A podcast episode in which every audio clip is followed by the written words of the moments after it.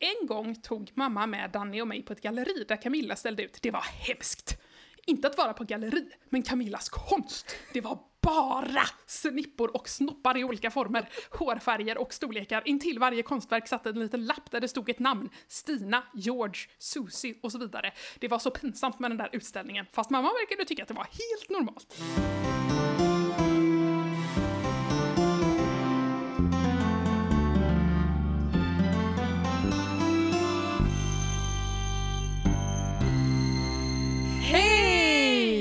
Och välkommen till Barnbokspodden! Det är jag som är Märta. Och det är jag som är Sanna. Och idag ska vi prata om två böcker som jag har längtat så mycket efter att få prata om. Och det är då böckerna, de två första om Paula Persson Peroni! Kan vi bara så här lägga applåder under hela avsnittet?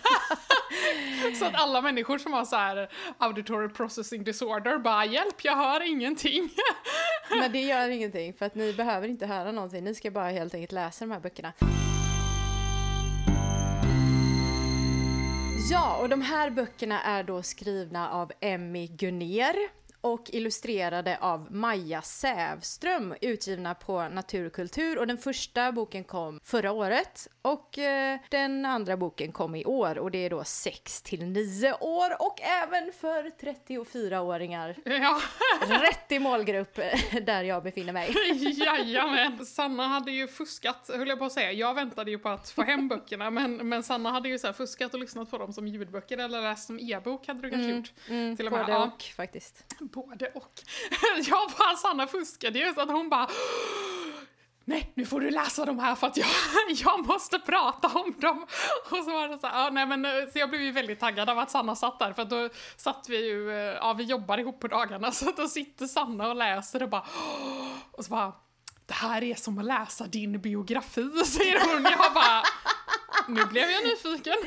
Ja, ja, men det har verkligen både varit som att läsa om sig själv. Ja, men typ du och jag är väldigt lika på många sätt. Och eh, ja, men just det här som, eh, som du sa så fint någon gång. Ja, men att den, den eh, sträcker sig tillbaka till barndomsminnen som man inte visste att man hade. Ja, liksom. ja! Och också återigen så är det som att jag tror att det är jag som har skrivit böckerna. Då vet jag att det är en bra bok. Det låter jättekonstigt, det är som att jag tror, alltså det här sa jag när vi hade läst Humlan Hansson också. Men det är som att jag bara, det här är ju mina ord, eller det, den är liksom, det, jag, det blir som ett med de här böckerna. Du kan liksom inte separera mellan Sanna och Paula. Nej, liksom. nej, det är ju så här, nej. Nej men Du bara, har, hur var det? Var det jag eller Paula som klippte dödsannonser när jag var liten? Ja men exakt! Nej men det är som en så här liksom, du vet i Alien så kommer det en sån här eh, typ... eh, Facehugger liksom. Ja, facehugger och typ Paula har bara facehuggat mig och lagt ett litet frö i min mage eller vad det nu är och eh, ja, och så nu är vi ett. Jag bara, så att Emmy går ner och Maja Säfström inte tolkar detta på fel sätt så tror jag att Sanna menar att boken är som en facehugger på det bästa möjliga sättet. Nu när vi har berättat att de var bra så kan vi börja från början tänkte jag sagt. Eh, och den första boken då, eh, den kom ut förra året och det är Allas vän. Paula Persson Peroni är Allas vän. Intrigen är ju inte riktigt det som bär boken. Nej. Är du med på den analysen? Utan den är ju, alltså det är ju nästan som en liten så här, vad ska man säga, slice of life liksom. Vi får en inblick i Paulas vardag och det finns Ja. lite olika problem och lite olika händelser. Det är lite kompisar och det är lite mobbare och det är lite kärleksintressen och det är lite jobbiga syskon och det är lite sådär. Ja men den är väl väldigt personorienterad istället för att vara händelseorienterad. Alltså vilket jag har insett att det är ju det jag tycker om nu. Det vet jag nu.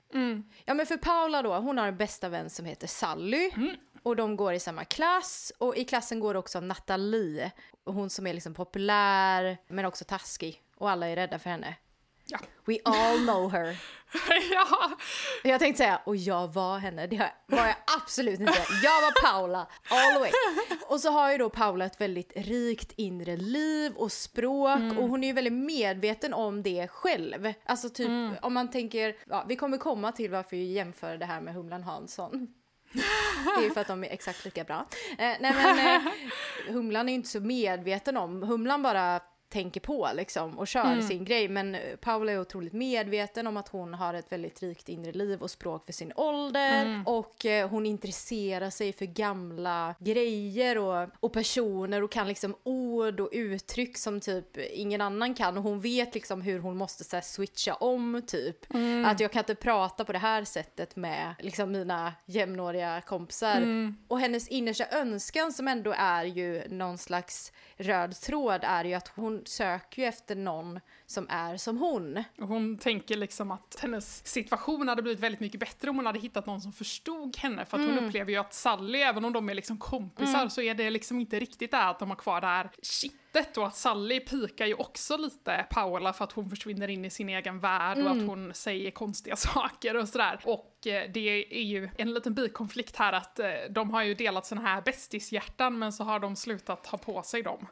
Eh, bägge två har på något sätt på varsitt håll bestämt sig för att de har liksom citat tappat bort dem, slutcitat. Apropå det här med att använda fancy ord, gjorde du det när du var liten? Nej, det skulle jag nog inte säga, men det intresserade ju mig jättemycket. Ja, men jag blev inte kallad för lillgammal så som Paula blir. Ja, men Jag hade väldigt mycket intressen som var svårt och kanske så här, hade jag bara haft typ en kompis som var exakt så, så hade kanske det såklart varit enklare. Men jag trivdes också i mitt eget sällskap och kunde övertala mina smarta, härliga kompisar att vara med på det mesta. Typ nu, nu är vi intresserade av det här, nu ska vi göra en klubb om det här, nu ska vi göra en tidning, nu ska vi starta ett band, nu ska vi baka kladdkaka. Det är kanske inte så jävla... Ja, Jag tänkte säga, jag hade kunnat bli övertalad till att baka kladdkaka. Absolut. Alltså det bästa är att jag minns ju, Alltså, jag skulle fråga tillbaka, förlåt. ja, ja men det är ingen fara, Nej. Nej. men alltså jag minns ju verkligen det där att jag hade ju ett så himla stort ordförråd Ja. som inte mina jämnåriga hade. Mm. Och att jag verkligen var så här, och att de kunde vara så här, ja men nu pratar du sådär konstigt igen, eller att folk verkligen blev så här provocerade av att man så här använde ord som de inte förstod. Risken finns väl att man, man alltså man, jag kände mig så här sjukt viktig och lite så här speciell för att jag kunde ord som ingen annan i min ålder kunde, men så här så att man, ja. Nej men det var i alla fall roligt, och det tyckte jag att det var så himla roligt att de hade tagit upp det. Ja men för där tycker jag också är en viktig skillnad att så här, att jag tycker inte om att använda svåra ord, alltså typ, eller jag, jag vill tro att jag vet ungefär vilket ordförråd folk jag känner har. Alltså jag vill, det enda jag vill när jag kommunicerar är att bli förstådd. Och typ det värsta jag vet är när folk använder svåra ord och de vet om att Ja. de använder svåra ord för att typ nästan sätta dit någon. Ja, Eller, eller typ, eller göra sig för mer än andra. Eh, alltså det, det typ finns inget värre höll jag på att säga, det finns ju krig. Men Mord. Nej men jag, jag kan bli så, det kan jag bli jätteirriterad på det tycker jag är så genomskinligt också när man märker att så här, men du typ lärde dig det här ordet igår och jag, nej jag vet inte heller vad det betyder men liksom så här, Så jag förstår dig så himla väl. Och så du vet när folk, eh, ja men du vet verkligen har så ett så, du vet käpphästord Ja, och så ja, gärna ja. du vet pratar, ja men tänk så här föreningsmöte eller något så här sånt sammanhang, håller ett alldeles för långt föredrag och alla andra sitter där och bara kan ingen, alltså du vet få tyst på honom. Och han bara står och så här använder det här ordet, Mm. du vet om och om igen och bara upprepar sitt resonemang. Alltså nu ska ju inte jag kanske säga någonting för att det är ju inte jag som att jag är bäst på att ta mig från punkt A till punkt B utan att ta mig förbi punkt C på Mm. vägen, men ändå, jag förstår precis vad du menar och det där tänker jag är så himla roligt. Um, alltså för det är ju så väldigt tydligt, alltså när man läser typ akademisk litteratur, Mm. att det finns nästan två läger och jag vet att jag hade en, en eh, professor som pratade om det någon gång, typ så här på 90-talet så var det så här extra astrendigt att inte bli förstådd liksom. för då var det liksom så här, ja men vad heter hon, Judith Butler och så här, det var liksom nytt och det var det coolaste och jag vet inte om du har läst Judith Butler men det är Jo, sjukt svårgenomträngt. Och hon har till och med fått pris tror jag för den alltså, mest obegripliga akademiker. eller alltså så här, den obegripliga, mest obegripliga akademiska texten eller något sånt där. Så att hon sa ju det att när hon satt och skrev sin uppsats någon Mm. gång för du vet 30 år sedan. Eller att hon bara, nej men att då blev man så här, hon bara, ja men så kunde man skriva någonting så bara oj oj det där vet jag inte riktigt vad jag sa, det lät skitbra. ja precis, jag tänker så här, hon, visste hon ens själv? Nej, nej. liksom? nej, nej, men då skulle man bara vara så svårgenomtränglig som möjligt så att det, det är liksom på något sätt man skulle Ja. lämna det upp till läsaren att, att försöka pussla ihop saker. Men jag tänkte på det som du sa med käpphästord, för där har ju Mm. Danny Saucedo, vet du vem det är? Eh, musiker eller sångare heter det kanske. Jag vet inte om han kan spela några instrument. Ja, men precis, han var ju med i Idol och nu är han väl popartist-ish. Mm. Men han, det finns ju så här eh, ett, eh, så här ett potpurri på nätet liksom där han i olika intervjuer använder uttrycket kognitiv dissonans. Oj då. Och det liksom sticker ju ut så mycket från alla andra ord han använder och att det är ju så specifikt också så det är liksom så här i varenda intervju för han har liksom lärt sig det. Ja men det är så här, det blir liksom kognitiv dissonans i så här man bara åh nej alltså då, det blir så pinsamt. Alltså, och, Ja, men det blir jävligt pinsamt. och där är det ju någon, det är så genomskinligt, han tror ju att han Okej, nu, nu spekulerar jag, men så som jag ser det. Han är säkert jättetrevlig och superintelligent. Ja, Men, men, nej men att typ han tror ju att så här, nu kommer jag låta skitsmart, men alla andra som är smarta höll jag på att säga, uh, ser ju bara, aha, där kom ett så här eh, stilbrott liksom mot Exakt. din vanliga, liksom, ditt vanliga lingo och eh, det märks Danny. Eh, Och eh, det här kommer du få äta upp. mm, i ett potpurri på Youtube. Ja. Då, så det är bara att ta kniv och gaffel och börja tugga. Vi var ju inne på det här med att det skurit sig lite mellan Paula och Sally. Men det är ju också så att eh, de ska ha en redovisning om eh, valfritt djur eh, då i skolan. Och då så teamar såklart Paula och Sally ihop sig och de ska prata om lodjuret och de har tänkt att de ska så här, ja men när vi redovisar så ska vi kalla oss för Sall, Lo och Paolo. Och jag bara, åh. Det, där, där kände jag verkligen så här, nej men gud det här har jag skrivit. Ja, oh, en sån där grej som man känner för mycket igen. Eh, men plötsligt då så kommer ju Nathalie fram och förklarar för Paula att eh, hon får ta ett annat djur för att eh, hon ska minsann prata om lodjuret och hon ska göra det tillsammans med Sally. Och där liksom uppstår ju den stora liksom, konflikten. Jaha, För att Nathalie säger man ju liksom inte riktigt emot, så att Sally Nej. bara hakar ju på där liksom och Paula blir ensam. Och Paula bestämmer sig då för att hon, okej, får, hon blir jätteledsen och jag får forska på ett nytt djur då och väljer räven. Och räven är ju då lodjurets naturliga fiende. alltså det är så bra, man bara såhär, åh.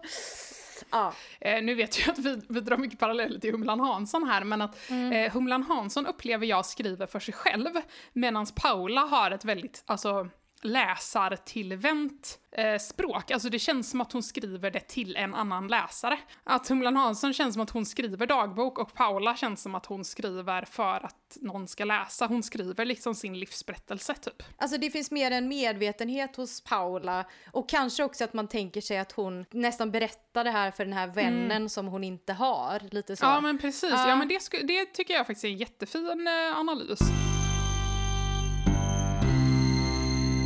Eh, och så tänker jag också då, jag bara, apropå nu att det inte går att ta bort Humlan Hansson ur den här ekvationen. Jag tänker på den här konflikten med den stulen bästisen. Ja, ja, Eh, ja! för den är ju med i bägge böckerna. Jag bara slår på låtsastrummor. Ja. Jag vet! Så tänker jag att det är, alltså att det är en sån intressant konflikt och att den är med i bägge de här böckerna Mm. som vi har tyckt väldigt mycket om. Och så tänker jag så här, kan vi försöka så här, nysta i den här konflikten? Vad är det som gör den så, så brännande liksom? Alltså jag tänker att relationer är väl typ det viktigaste man har. Ens mamma och pappa och sånt där. Alltså om vi- om vi säger att allt det är okej och att man känner att så här, men jag kan ju aldrig riktigt bli sviken av mina föräldrar. Inte så liksom på djupet, det kan man ju såklart. Men vi säger att allt det är här, okej. de, de kan vara jobbiga och otrevliga Ja. men, men jag litar ändå på att jag har en, en famn att krypa upp i om det skulle vara så. Då är ju liksom kompisar det absolut viktigaste. Du har ju liksom Ah, nej, men jag kan inte sätta fingret på det heller. Alltså jag, ibland så, så här drömmer jag mardrömmar om att alla blir arga på mig och att alla vänner Ja, försvinner. Alltså den mörka känslan av att inte ha någon. Eller att någon är arg på en eller att man har blivit, eller framförallt att man har blivit sviken. Det gör så jävla ont. För Mm. när man sätter emot, alltså om man jämför det med att faktiskt få en kompis, alltså att någon har valt mig. Mm. Ja. Någon har valt mig, den underbara känslan. Och så finns det ju det här då att någon väljer bort mig. Mm. Det är så otroligt hemskt. Eller det, det är liksom Mm. det här att bli, bli ratad. Det enda vi vill är ju bli omtyckta. Mm. Men vi vet att vi kan inte bestämma att någon ska tycka Mm. om mig, att någon alltid ska finnas där eller välja mig. Men man blir så otroligt ledsen. Ja, men jag tror det är Mm. så många som kan känna igen sig i det oavsett eh, ålder och att det kanske är så himla mänskligt. Eh, Jag vet inte. Mm. Vad tänker du? Nej men jag tror att du har helt rätt. Och så tänker jag också att, för det blir ju dels den här, så här totala utsattheten och ensamheten som jag också tänker kommer av att när man är liten så är ju klassen är ju på något sätt hela ens värld. På ett sätt. Alltså jag vet ju till, till exempel att jag var så här grymt förvirrad över att alltså mamma och pappa inte hade gått i samma klass. För att jag var så här, men va, alltså hur träffar man någon och blir kär i då liksom? Jag förstår! Du bara, För att det vadå? var så jättekonstigt, för det var ju liksom, för det var så naturligt att det var hela en sociala sammanhang. Sen så var det ju folk som såklart hade, du vet så här, gick på olika så här, idrottsgrejer och så här, och det gjorde ju aldrig jag. Eh, jag bara hashtag hata idrott. Var du mer intresserad av kultur och sånt? Det kan man inte tro. Ja, ja men jag, precis, jag var mer team Paula, så här, bara isolera sig och sitta hemma och läsa liksom. Böcker är pålitliga, bollar är inte pålitliga. Det var någon som så här beskrev det jättebra så här, med kompisar är det inte som Pokémon. Det är såhär, you, you do not gotta catch them all, det räcker med ett par liksom som du har en väldigt nära relation till. Och den är så jävla bra! Men och så tänker jag också på den här, eh, det är ju inte riktigt med, alltså i, eh, i Humlan Hansson, för där är det ju mer hästtjejerna som grupp liksom. Men jag tänker den här perfekta tjejen, henne känner vi ju ändå igen från Ja. andra böcker och andra, men du vet så här, det är filmer, allting liksom. Varför är de perfekta tjejerna så läskiga? Det är stora existentiella frågor här. Ja, varför är de så läskiga? Till alla de som har varit den här perfekta tjejen. Vad fan är ditt problem? Nej, men, eller känner de också att det då finns någon som... Alltså att gräset är grönare på andra sidan för den personen också? Eller känner den personen sig fulländad, typ? Det är en jättebra fråga, men jag, alltså jag tänker ju alltid så här, men att mobbare till exempel, alltså de har ju alltså garanterat något problem någonstans. Men, men jag menar, det är ju inte som att det är, jag bara, det är inte som att det ursäktar att man är otrevlig. Eh, men jag tänker också så här, är inte... Eller att nu bara tänker jag så här helt löst, men alltså är det så här att den här perfekta tjejen egentligen inte finns, utan det är, eh, alltså att det är någon sorts nidbild som skapas i, i våra huvuden, eller någonting att jämföra sig med, eller så här att man känner att man inte kan leva upp till det, eller att man är så här, och att andra människor blir ju på något sätt alltid lite mer lyckade än en själv, typ, för att man ser ju hur det ser ut i ens egen hjärna liksom. Alltså det är ju inte den här tjejen som själv skapar sig, alltså till den populära tjejen. Det är klart att hon själv väljer och kanske bli, bli en mobbare då, eller vara taskig, det väljer man ju själv, säger jag nu, men det är också av orsaker att man är att man är elak, som du säger, man kan ha problem liksom hemma eller whatever. Men det här med att vi målar upp någon som så jävla perfekt, det är ju inte hon som gör det. De forskar ju i skolan. Kommer du ihåg när man forskade? Och vi hade, jag minns att jag, vi skulle forska på ett djur eller en insekt och då var det då jag och Karin, min då bästa kompis, vi valde då svartmyran. Den coolaste av alla myror. Exakt! Och så var det liksom så här, Hette ni Myrsanna och... nej vi gjorde tyvärr inte det, men vi skrev en låt. Nej, åh varför inte jag där? Men den är jättekort och jag minns den än idag. Och det är så Åh, roligt! sjung den, sjung den, Just sjung den, måste- sjung Okej, den! är ni med nu? Nu är jag ju fan med. Alltså det är så jävla roligt! Okej, den är ju askort, men liksom det, förgyll, det tyckte vi skulle fylla. Okej då. Eh, Svartmyran, svartmyran, yeah, yeah, yeah. Vi gillar dig, du har en stark stil. Det är helt fantastiskt! Och det är så här, för att den, jag bara, den var just den bar just på saker. Men det är så här, svart mina, svart mina, yeah yeah yeah. Jag gillar, vi gillar dig, du har en stark stil. Och sen Åh, bara, Gud, svartmyran lever. Ja men alltså det där var så roligt, eller alltså man, jag känner ju verkligen igen mig i det här att man skulle göra någonting extra liksom. Ja. Eh, och att man ville verkligen att det skulle bli bra. Och jag tycker jag också så här att det är så roligt att, att hon har tagit fasta på det i Paolo Persson på Råni liksom. Jag bara ser framför mig liksom så här. Jag var absolut inte klassens clown, men jag var ju klassens kanske kreativa, liksom lite så. Mycket teater och, och sådär. Och får, får jag uppträda idag? Jag har övat in en låt typ. Eh, men liksom jag bara tänker mig så här, de som sitter där och kanske så här har noll noll kreativt intresse och bara där står två tjejer framme och bara sjunger om Svartmyran. Alltså ur deras perspektiv, hur konstigt är det inte? Men alla köper det för vi är barn och bara så här, Ja. det är helt självklart. Det är inte som att man så här på jobbet när man ska ha någon redovisning typ så här ställer sig och Jag bara tror i och för sig det hade blivitasuppskattat om man bara, nu ska jag presentera den här kvartalsrapporten. och så börjar vi, kvartalsrapport. Yeah, yeah, yeah. Vi gillar dig, du har en stark stil. Men ska vi hoppa till bok nummer två innan vi eh, behöver Ja. dela upp det här avsnittet i, i två? Ja, exakt. Jag tänkte säga det här kommer ju sluta illa. Men då, andra boken heter Skrattar sist och det var den som kom ut här nu alldeles häromnysens.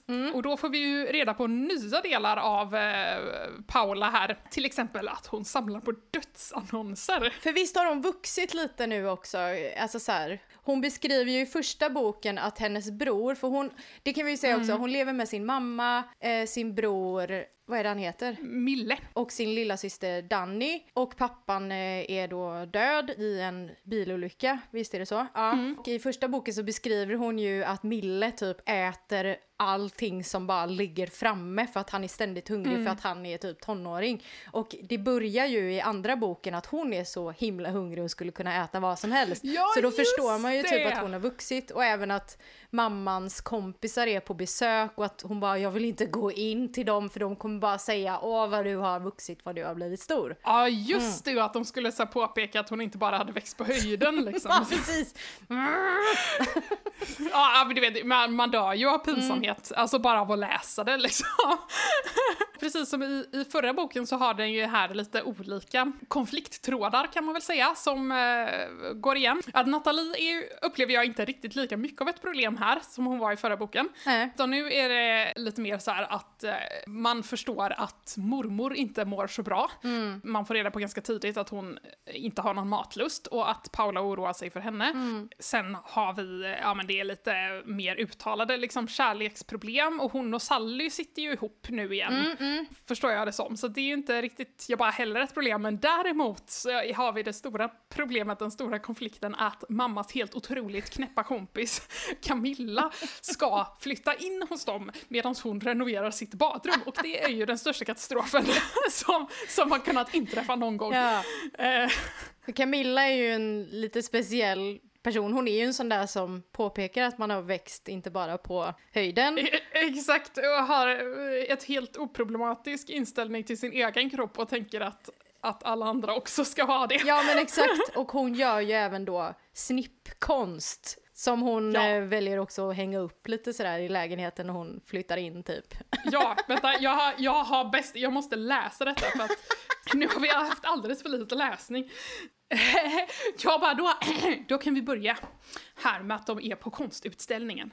Min mamma är ganska liten, men seg och stark och hon cyklar överallt. Camilla är stor och rödhårig och har så många armband och halsband att det klirrar när hon rör sig. Inte för att hon rör sig särskilt mycket. Camilla har alltid färg på händerna för hon älskar att måla. En gång tog mamma med Danny och mig på ett galleri där Camilla ställde ut. Det var hemskt! Inte att vara på galleri, men Camillas konst. Det var bara snippor och snoppar i olika former, hårfärger och storlekar. Intill varje konstverk satt en liten lapp där det stod ett namn. Stina, George, Susie och så vidare. Det var så pinsamt med den där utställningen, fast mamma verkade tycka att det var helt normalt. Hon stod och skrattade och pratade med folk medan Danny och jag ville inte vara kvar bland alla snusktavlor så vi tog en pappmugg med salta pinnar och varsitt glas med läsk och gick ut på gatan utanför galleriet. Men så lätt skulle vi inte komma undan. Så fort vi hade satt oss ner på en bänk kom Camilla ut och stirrade på oss. Varför sitter ni här ute och trycker, sa hon. Vi tyckte bara det var skönt att vara utomhus, ljög jag och huttrade till. Har ni kanske problem med snoppar och snippor eller? frågade Camilla och jag nästan dog. Måste hon säga det så högt så alla hörde? Vad jag än svarade skulle det bli fel. Ja. Om jag svarade ja så var jag pryd. Om jag svarade nej så skulle jag fortsätta mitt liv av lögner. Men det kändes som att ja skulle bara leda till mer tjafs med Camilla. Nej, sa jag. Men jag har det, sa Danny. Jätteproblem faktiskt. Jag tycker att de är äckliga. Men det är bara naturligt, sa Camilla. Allt som är naturligt behöver man väl inte gilla, sa Danny. Mögel, snor och kackerlackor, gillar du det? Ja, det gör jag. Jag tycker att om det som är naturligt. Jag tycker det är fascinerande att vi alla är del av samma fantastiska skapelse i universum. Håller ni inte med? Sa Camilla med ett självgott leende och vände tillbaka in i galleriet utan att vänta på, sv- på svar. Och sen då, när hon har flyttat in. Just det.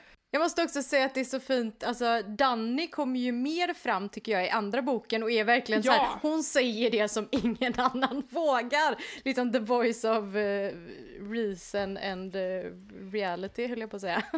Verkligen, hon har, så här, hon har inget filter. Nej, eh, och det är så och jag jävla älskar bra. henne. Ja men det är så smart, tänker jag också, att använda syskon på det Ja, viset. ja. Att man, för att de, eftersom de inte är liksom, behöver vara lika utvecklade som huvudkaraktären så kan de verkligen vara så här: nej men här har vi sanningssägaren Mm. Danny liksom. Ja. Det, och, och så får de andra hantera liksom att hon säger saker. Mm.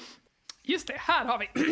När Camilla eh, väl har flyttat in. Inte nog med att Camilla har lagt beslag på Milles rum. Hon har dessutom hängt upp sin jobbiga kroppskonst överallt hemma hos oss. Först sa hon att det var för att bilderna behövde torka, men vi märkte snart att det inte spelade någon roll hur torra det blev. De, hon lät dem sitta kvar på väggarna ändå. En dag frågade Mille om hon inte kunde ta ner dem så att han kunde ta hem kompisar. Om dina kompisar inte klarar av att se kroppar och konst så tycker jag att du ska tänka igenom om du verkligen vill vara kompis med dem, svarade Camilla och satte upp ännu ett skrev. ja, och satte upp ännu ett skrev! Alltså det är så, alltså Emmy, lägg av! Nej men alltså jag orkar inte vad bra det här är. Alltså den här... Ja men det, alltså det är många sådana här väldigt bra liksom tillskruvat som när hon ska så här, Paula sitter och filosoferar över så här att det är helt sjukt egentligen att hade inte eh, hennes föräldrar eh, så här legat med varandra vid precis rätt till, tidpunkt så hade inte hon blivit hon liksom och att så här, det är så tokigt att hon har på något sätt förfäder och att det bara är liksom du vet tillbaka och tillbaka i tiden i all oändlighet och så, så konstaterar hon liksom att det enda jag vet om mina förfäder är att de någon gång har haft oskyddat sex. Och det tycker jag också är så här, bara, ja, du har helt rätt. Dessutom borde vi vara glada för att förfäderna hade sex exakt när de hade det. Att de inte gick på bio istället eller trillade ner för ett stup på väg till ett grottligg. Alltså det, det kretsar ju väldigt mycket kring mormor som du sa.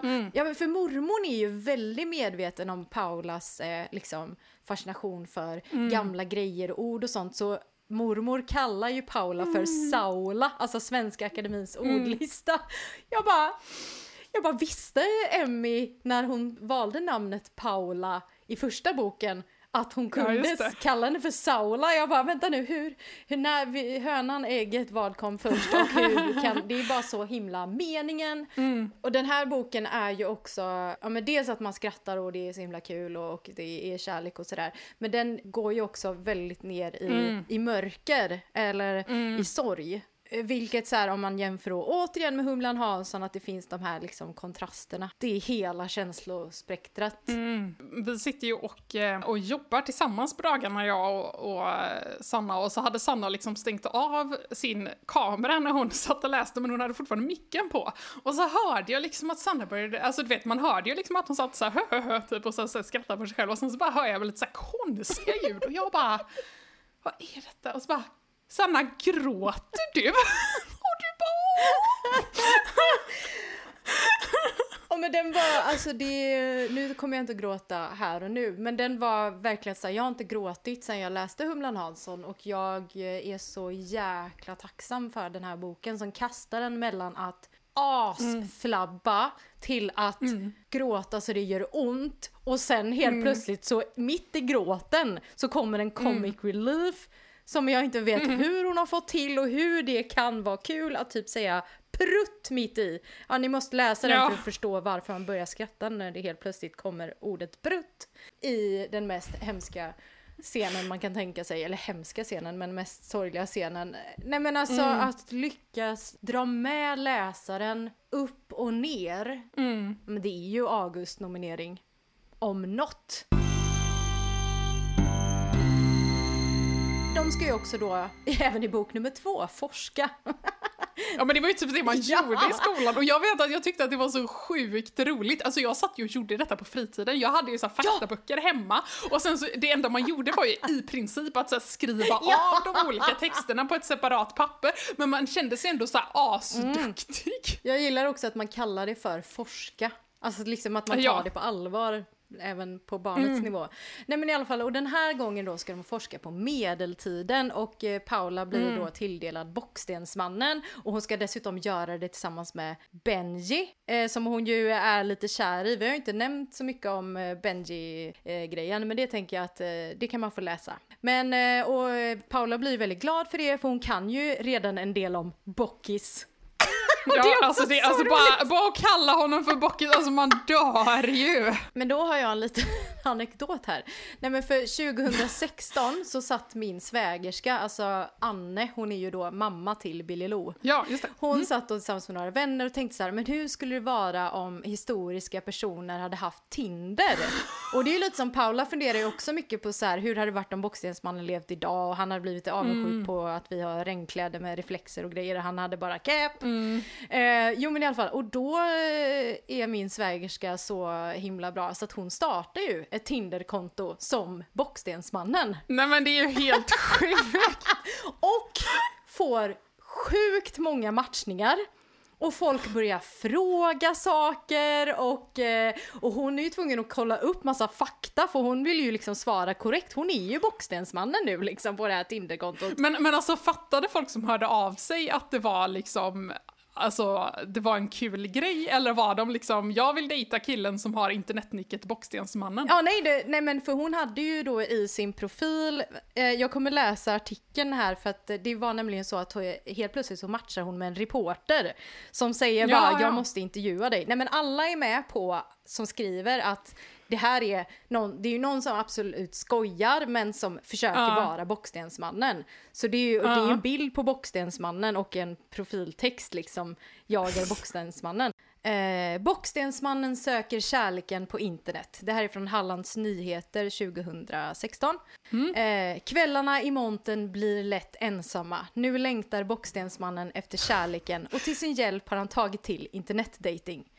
När Hallands Nyheters reporter matchar med Bockstensmannen på internetdatingappen Tinder ställer han gladeligen upp på en intervju. Haha, gärna. Kanske ökar mina chanser för sällskap i monten. Då kör vi. Vad söker du på Tinder? Jag söker främst någon att dela mitt liv med. Jag söker kärleken. Det kan bli ensamt i monten på kvällarna. Fint! Hur skiljer sig dejtandet på 1300-talet och nu? Jag gillar att dejta på 2000-talet. Det är så mycket friare. På 1300-talet skulle alla lägga sig i. Kyrkan, föräldrar och så vidare och så vidare. Idag är det mer upp till var och en. Det är också så himla skönt att det inte bara är flicka-pojke utan man får möjlighet att utforska kärleken till alla kön utan att bli bränd på bål. Mm. Vad gör du helst på en första dejt? Jag gillar att göra något aktivt på första dejten, så kanske en härlig ridtur. Sen om man har tur kanske vi drar oss tillbaka till monten för lite Netflix and chill. Vad är ditt bästa raggningsknep? Jag gillar inte det här med att en ska spela spel och ha olika grejer för sig. Jag tror på att vara ärlig och vara sig själv. Det är nog mina bästa knep. Alla mina tjejpolare berättar att när de är på dejt så har killarna en tendens att bara prata om sig själva och det verkar ju så himla trist. Så att lyssna är väl kanske också ett knep, eller snarare ett tips. Har du samma klädstil nu som då? Ja, ungefär. Det är ju ändå inne med retro nu. Tycker att min look är ganska sekelöverskridande. på sommaren blir det lite varmt med allt ylle så då kör jag gärna på en skön linneskjorta. Det är svårt att få tag på bra mantlar dock, så använder bara min vid finare tillfällen. Kanske på en dejt till exempel. Vad gjorde du egentligen på 1300-talet? Var du skatteindrivare som många tror? Det finns många som spekulerar om det som varit. För min egen del känner jag att jag inte vill fokusera på det som varit, utan jag vill hellre blicka framåt. Det finns så mycket härligt att uppleva och jag vill inte fastna och bli stämplad för något som hände för 700 år sedan. kan man ju förstå. Vad söker du hos en partner? Någon som gillar naturen och inte bryr sig så mycket om åldersskillnader. det är viktigt att hen ska vara ödmjuk och öppen, men det viktigaste är att personen är lugn och sansad. Det var mycket hetlevrade personer på 1300-talet. Jag söker någon som kan keep it cool. Humor är också viktigt och hästintresset är en dealbreaker. På tal om åldersskillnader, det står att du är 32, stämmer det? Och i så fall, har du fastnat där? Ja, det är lite klurigt med ålder. Jag är både över 700 år och 32. Antar att det är som många säger, att ålder bara är en siffra. det gick inte att fylla i att jag var född på 1300-talet av tekniska skäl. Ja men som sagt hon, hon, fick ju då jättemånga matchningar och liksom hon, hon svarade så korrekt hon kunde. Till slut så kände hon ju bara men det här tar ju över mitt liv. Mm. så hon hörde faktiskt av sig till Varbergs museum för att kolla då om så här, ja men ni kanske vill ta över det här Tinder, Tinderkontot. Som liksom en del av om jag vet Någon inte. utställning, så här interaktiv utställning. Ja, och jag tänker så här att sprida liksom eh, kunskap och fakta mm. på, på det sättet. Men de eh, tackade nej och så... Va? Ja. Gud vad tråkigt! Jag det var vet! Ju, Eller det hur? var ju faktiskt officiellt tråkigt. Bu!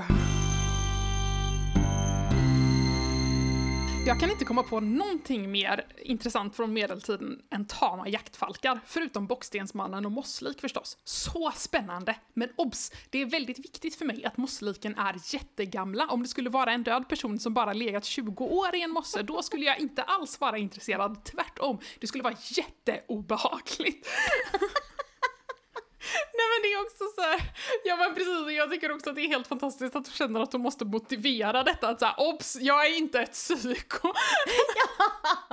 obs! Eh, och så tänker jag på det här med dödsannonserna som är så här, alltså det är så roligt och ger så mycket karaktär och jag bara, nu måste jag läsa, alltså jag bara, man märker att den här boken har gjort ett större intryck än första boken för att jag är tvungen att citera hela boken typ. Jo, nej men hon har en eh, samling med dödsannonser eh, och hon tycker att det är jättespännande för att man kan liksom pus försöka pussla ihop utifrån vad som står i de här annonserna vem eh, den här personen har varit. Så då har hon som exempel mm. här eh, en dödsannons med eh, tre så S-kort, S liksom överst och så står det vår älskade Pir eh, Pirjo Axelens, född 12 maj i Esbo, död 17 april i Västerås, sörjd av Petri Petri, Pasi, Pirko och Päivi, Pentti och Penny.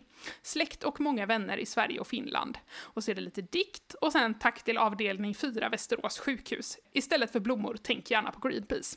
Mina slutsatser är följande. Pirjo föddes i Finland men flyttade till Sverige och fick barn med Petri. De tyckte att det var så mäktigt att båda deras förnamn började på bokstaven P, att deras barn också fick namn på P.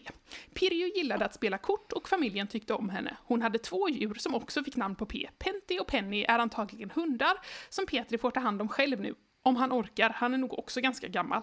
Pirjo brydde sig om miljön. Hon dog av hjärtproblem, det vet jag för jag har googlat på avdelning 4 på Västerås sjukhus.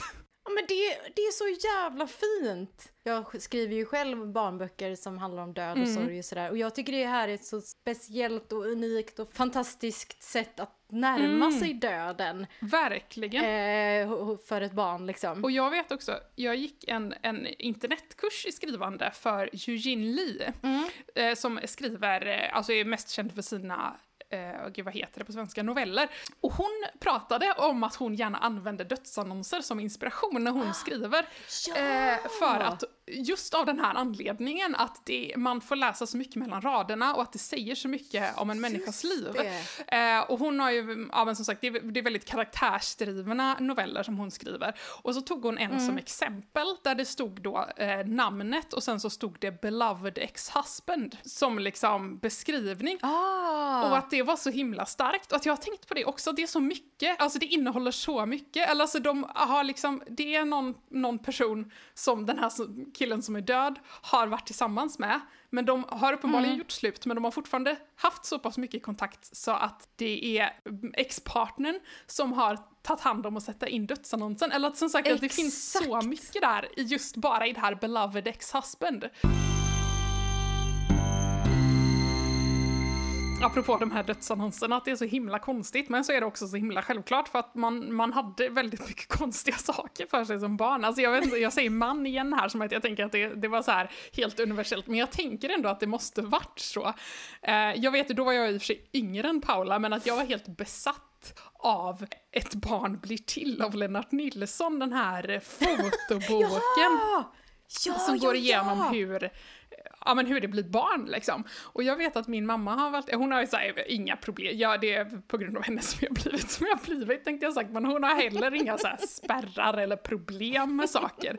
Eh, utan hon var ju väldigt så här, ja men du vet frågade vi hur det blev barn så förklarade hon hur det blev barn. Det var liksom aldrig tal om att det skulle vara någon stork eller någonting utan det, det var som det var liksom. Det var ingen idé att ljuga för barnen för att det var inte, det fanns liksom inget att ljuga om eller varför skulle man ljuga om det liksom sådär. Nej jag tänker också så här, det är ju också enklare man behöver liksom inte ha någon fantasi, man bara berättar. Eh, ja, exakt så här går det till. Ja, men hon hade ju liksom skalat av, vad ska man säga, allting typ emotionellt eller alltså sexuellt, utan ah. det var ju väldigt så här ja men du vet, det var väldigt bare bones så, men det var ändå en, mm. en, en, fullt fungerande biologisk förklaring liksom. Mm. Eh, jo men jag vet att hon är ju lärare nu och jag vet att hon, hon berättade det att hon kom så här in till, det satt några barn och så här fnissade i ett kapprum typ. Och så var så här, vad fnissade ni så åt? Och så hade de bara och så hade de hittat ordet ollon.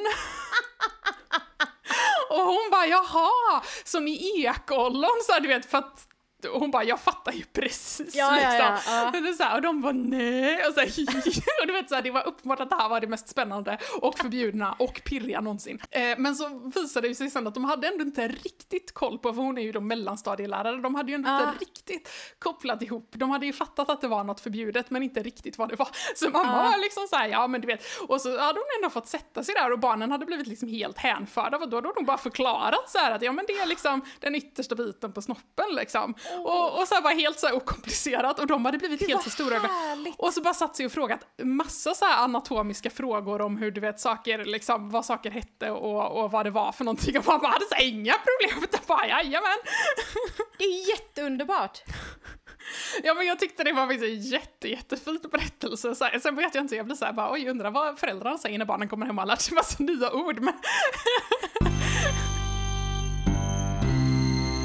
Men apropå den här Ett barn blir till, och att jag så var helt förtrollad av den, eh, då var jag ju helt så här, ja men du vet, skulle lära mig allt om, om hur barn blev till och tyckte att det här var ju det mest fascinerande, ja men det är ju, det är ju typ magi. Så att jag var ju ja. jättefascinerad och eh, skulle berätta hur, detta för alla jag stötte på. Jag vet att mamma berättade att vi var hemma hos farmor och farmor är väldigt så här, vad ska man säga, hon och mamma är nog ganska så här polar opposites. För mamma är så här, hon säger precis vad hon tycker och tänker hela tiden och har liksom inte så mycket spärrar. Och farmor är ganska så här, ja men du vet, ganska strikt och ganska tillbakadragen och är liksom lite så här, ja men du vet, de har aldrig riktigt kommit överens kan vi väl säga. Eh, men eh, i vilket fall, och då hade jag så här jättenöjd och jättestolt förklarat för farmor hur det blev barn när jag var så här, du vet, tre, fyra, och jag nu kan ha varit. Och då hade så här tydligen farmor gått fram till mamma och bara det var väl lite väl tidigt kanske.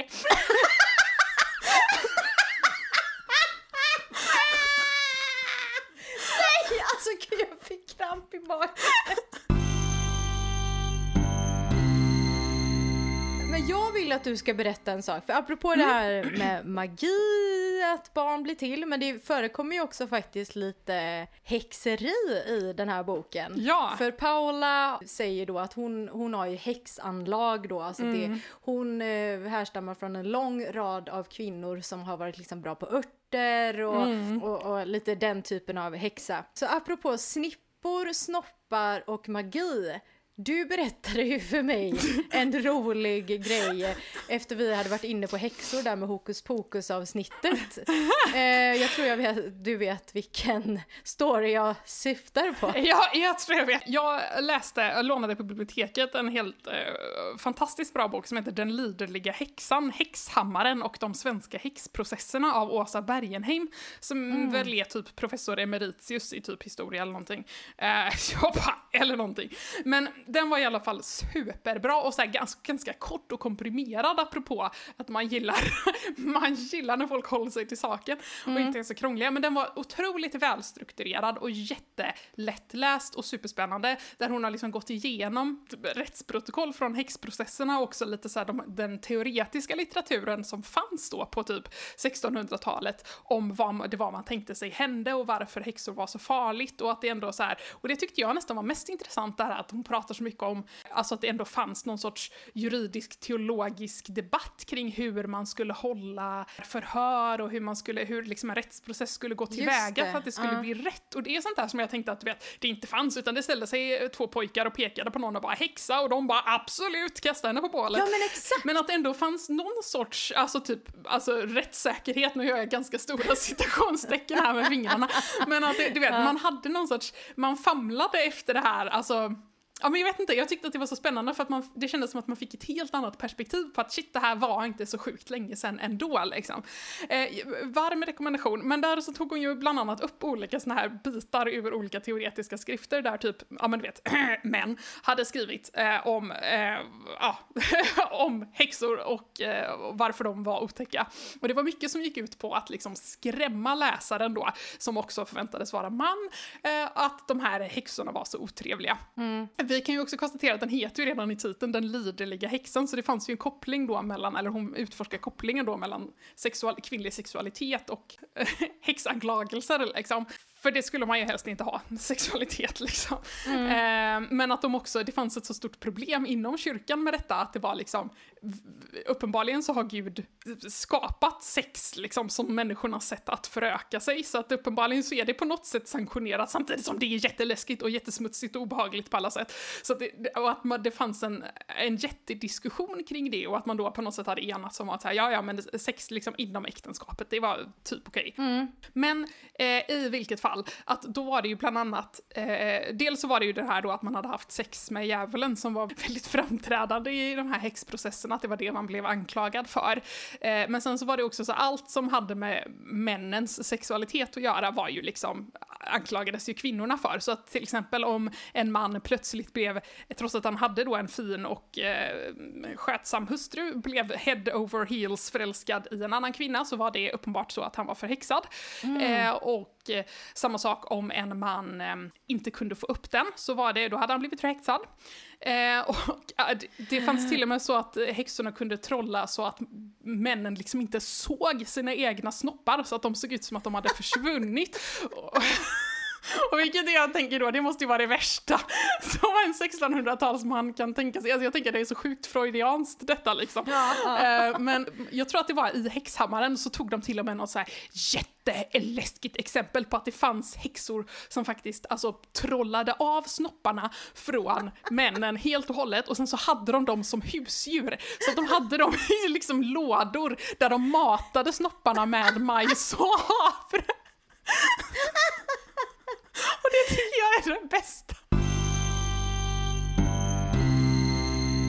Men alltså vi måste ju nämna bilderna Ja, herregud. och, och katten då framförallt. Ja, Kerstin!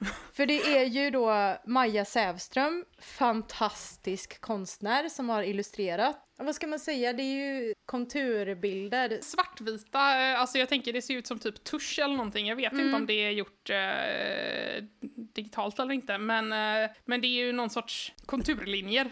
i princip. Eh, påminner också om Humlan Hans som ju, eh, alltså i, i det här svartvita, lite Mm. skissaktiga, lite barnsliga fast kanske lite mer... Jo men alltså, det, jag, jag ser ju vad du menar. Här kan man ju ändå nästan köpa att det är, ett barn som har eh, illustrerat, men det är också lite mer runda former kan man väl säga. Det är lite mer städat. Humlan Hansson är ju, eh, vad heter det, Ester Eriksson har ju mer, alltså hon har ju en hel pensel när Ja. hon målar, men här känns det ju som att det är en ganska, vad ska man säga, precis Ja, men eh, exakt. penna, så det är ganska jämna linjer ändå, även om det finns lite så. Det är inte kaos liksom, men det finns samma humor och lekfullhet. eh, Absolut. Och eh, leker med proportioner och sånt. Och det som är så roligt är ju att Paula har ju en katt ja. som är en otrolig comic relief karaktär. Mm. Alltså katten är inte bara eh, så här att hon har en katt utan Mm. katten är fucking med, höll jag på att säga. Och det är ju också en aspekt till varför man typ älskar den här boken Mm. för att man älskar ju katter, katter är underbara och Kerstin är framförallt superduper duper bra och härlig. Kan vi också uppskatta att Kerstin är det bästa kattnamnet i världshistorien? Ja, det är så gulligt! Och det som är roligt är ju att Maja Sävström, hon har ju ritat Kerstin, alltså innan Kerstin fanns, så ritade ju Maja Sävström de här katterna. Alltså hon är ju, vill jag säga, känd för sina katter. Nej men, Hennes signum. ja, nej, men hon heter ju Majas bok på Instagram och jag har följt henne jättelänge och där har jag ju sett de här katterna som är hennes signum, precis som du säger. Istället för att bara bryta en helt ny katt, jag ska inte säga att de är exakt likadana, men så är det ju en sån Maja Sävström-katt, Kerstin är liksom, jag bara, jag bara, eh, var det för att Kerstin fanns som Emmy Gunnér bara, då kan ju Maja rita. Nej men eller jag vet inte hur det här samarbetet eh, gick till. Ja, det hade varit intressant att veta. Men, Ja. ja. nej, men alltså, ja, nej, men alltså det är så gulligt. Och, ja, nej, man blir väldigt inspirerad att rita katter. Kerstin är ju väldigt med och kommunicerar med blickar och, och blickar och jamanden och så här. Och som, alltså, som kattmänniska, man känner ju igen det, att man läser ju in väldigt mycket mänskligt beteende i, eh, i allt katten gör. Nu pratar de till exempel om Milles eh, br- storebrors eh, storebrors, storebrors tofflor här. Eh, jag köper ett par nya tofflor åt dig Chico som morfar. Tack morfar, sa Mille. Om det finns några tillräckligt stora, dina fötter behöver varsin kanot nu, sa morfar och Mille såg lite generad ut.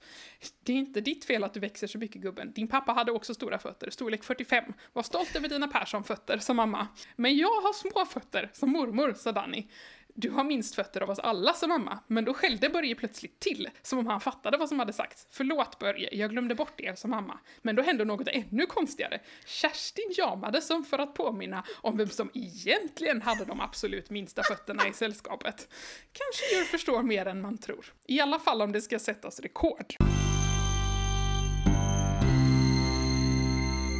Här boken är en miljon saker så känns det som att man kan inte plocka bort en enda grej för då faller korthuset. Och det bevisar ju också vilket jäkla hantverk det är att skriva en bok. Och jag kan nu stolt presentera, nej ska jag bara, det vet alla redan om om man googlar lite, men att det kommer ju en tredje Paula Persson Peroni. Den kommer ju då heta Paula Persson Peroni älskar kanske. Preliminärt släppdatum 8 oktober. Oj, oj, oj. Nu har vi, vilket inte ni kommer märka som lyssnar på det här, men vi har ju pratat om Paula i snart två timmar. Ja, nu, nu tycker jag att vi håller en tyst minut för Sanna som behöver klippa det här. Så alltså ett stort jäkla fucking tack till Emmy och Maja och Natur och kultur för att Paula Persson finns i mitt liv och kommer aldrig försvinna och eh, ser så mycket fram emot bok nummer tre så det finns inte. Men nu tackar vi för idag. Ja, och nästa vecka då blir det bilderböcker. Ja, två stycken. Och nu är det faktiskt bara två avsnitt kvar på den här säsongen. Är det så att du vill läsa någon av böckerna som vi pratar om i Barnbokspodden så är det ju naturligtvis bara att gå ner till sitt lokala bibliotek och efterfråga boken, men vill man köpa boken så kan man nu för tiden göra det via en affiliate-länk så får vi en liten, liten del utav eh, priset utan att det kostar någonting extra för dig. Och då är det absolut lättaste att du går in på våran hemsida och ser i poddbeskrivningen, liksom under varje avsnitt, så finns det eh, länkar till böckerna så kommer du in på bokens hemsida där de går att köpa. Ja! Jag skulle vilja ge en shoutout till Agnes Lindholm som är Mm. asgullig generellt och eh, kommenterar på våran Instagram och typ lyssnar och säger jättegulliga saker om Barnbokspodden. Agnes! Ja, hon har ju varit med i podden också eh, en gång som lite gästartist. Jajamän, det var innan min tid tänkte jag säga, men jag Mm. har lyssnat på det. Läser du eh, någon av böckerna om Paula Persson Peroni eller någon annan bok som vi har pratat om så glöm inte att tagga oss på Instagram eller Facebook så att vi får höra vad du tyckte. På våra sociala medier då så kan du ju följa oss för lite ledtrådar eh, till kommande böcker och vi har lite aktiviteter och smakprov och sådär från avsnitten. Och eh, vill man komma i kontakt med oss så kan man ju skriva där eller mejla oss på kontakt barnbokspodden.se och vi har också en hemsida, barnbokspodden.se. Ja, vi syns om två veckor och tills dess, ta hand om ditt inre barn och kom ihåg att coola vuxna läser barnböcker. Ha det fint! Hej hej!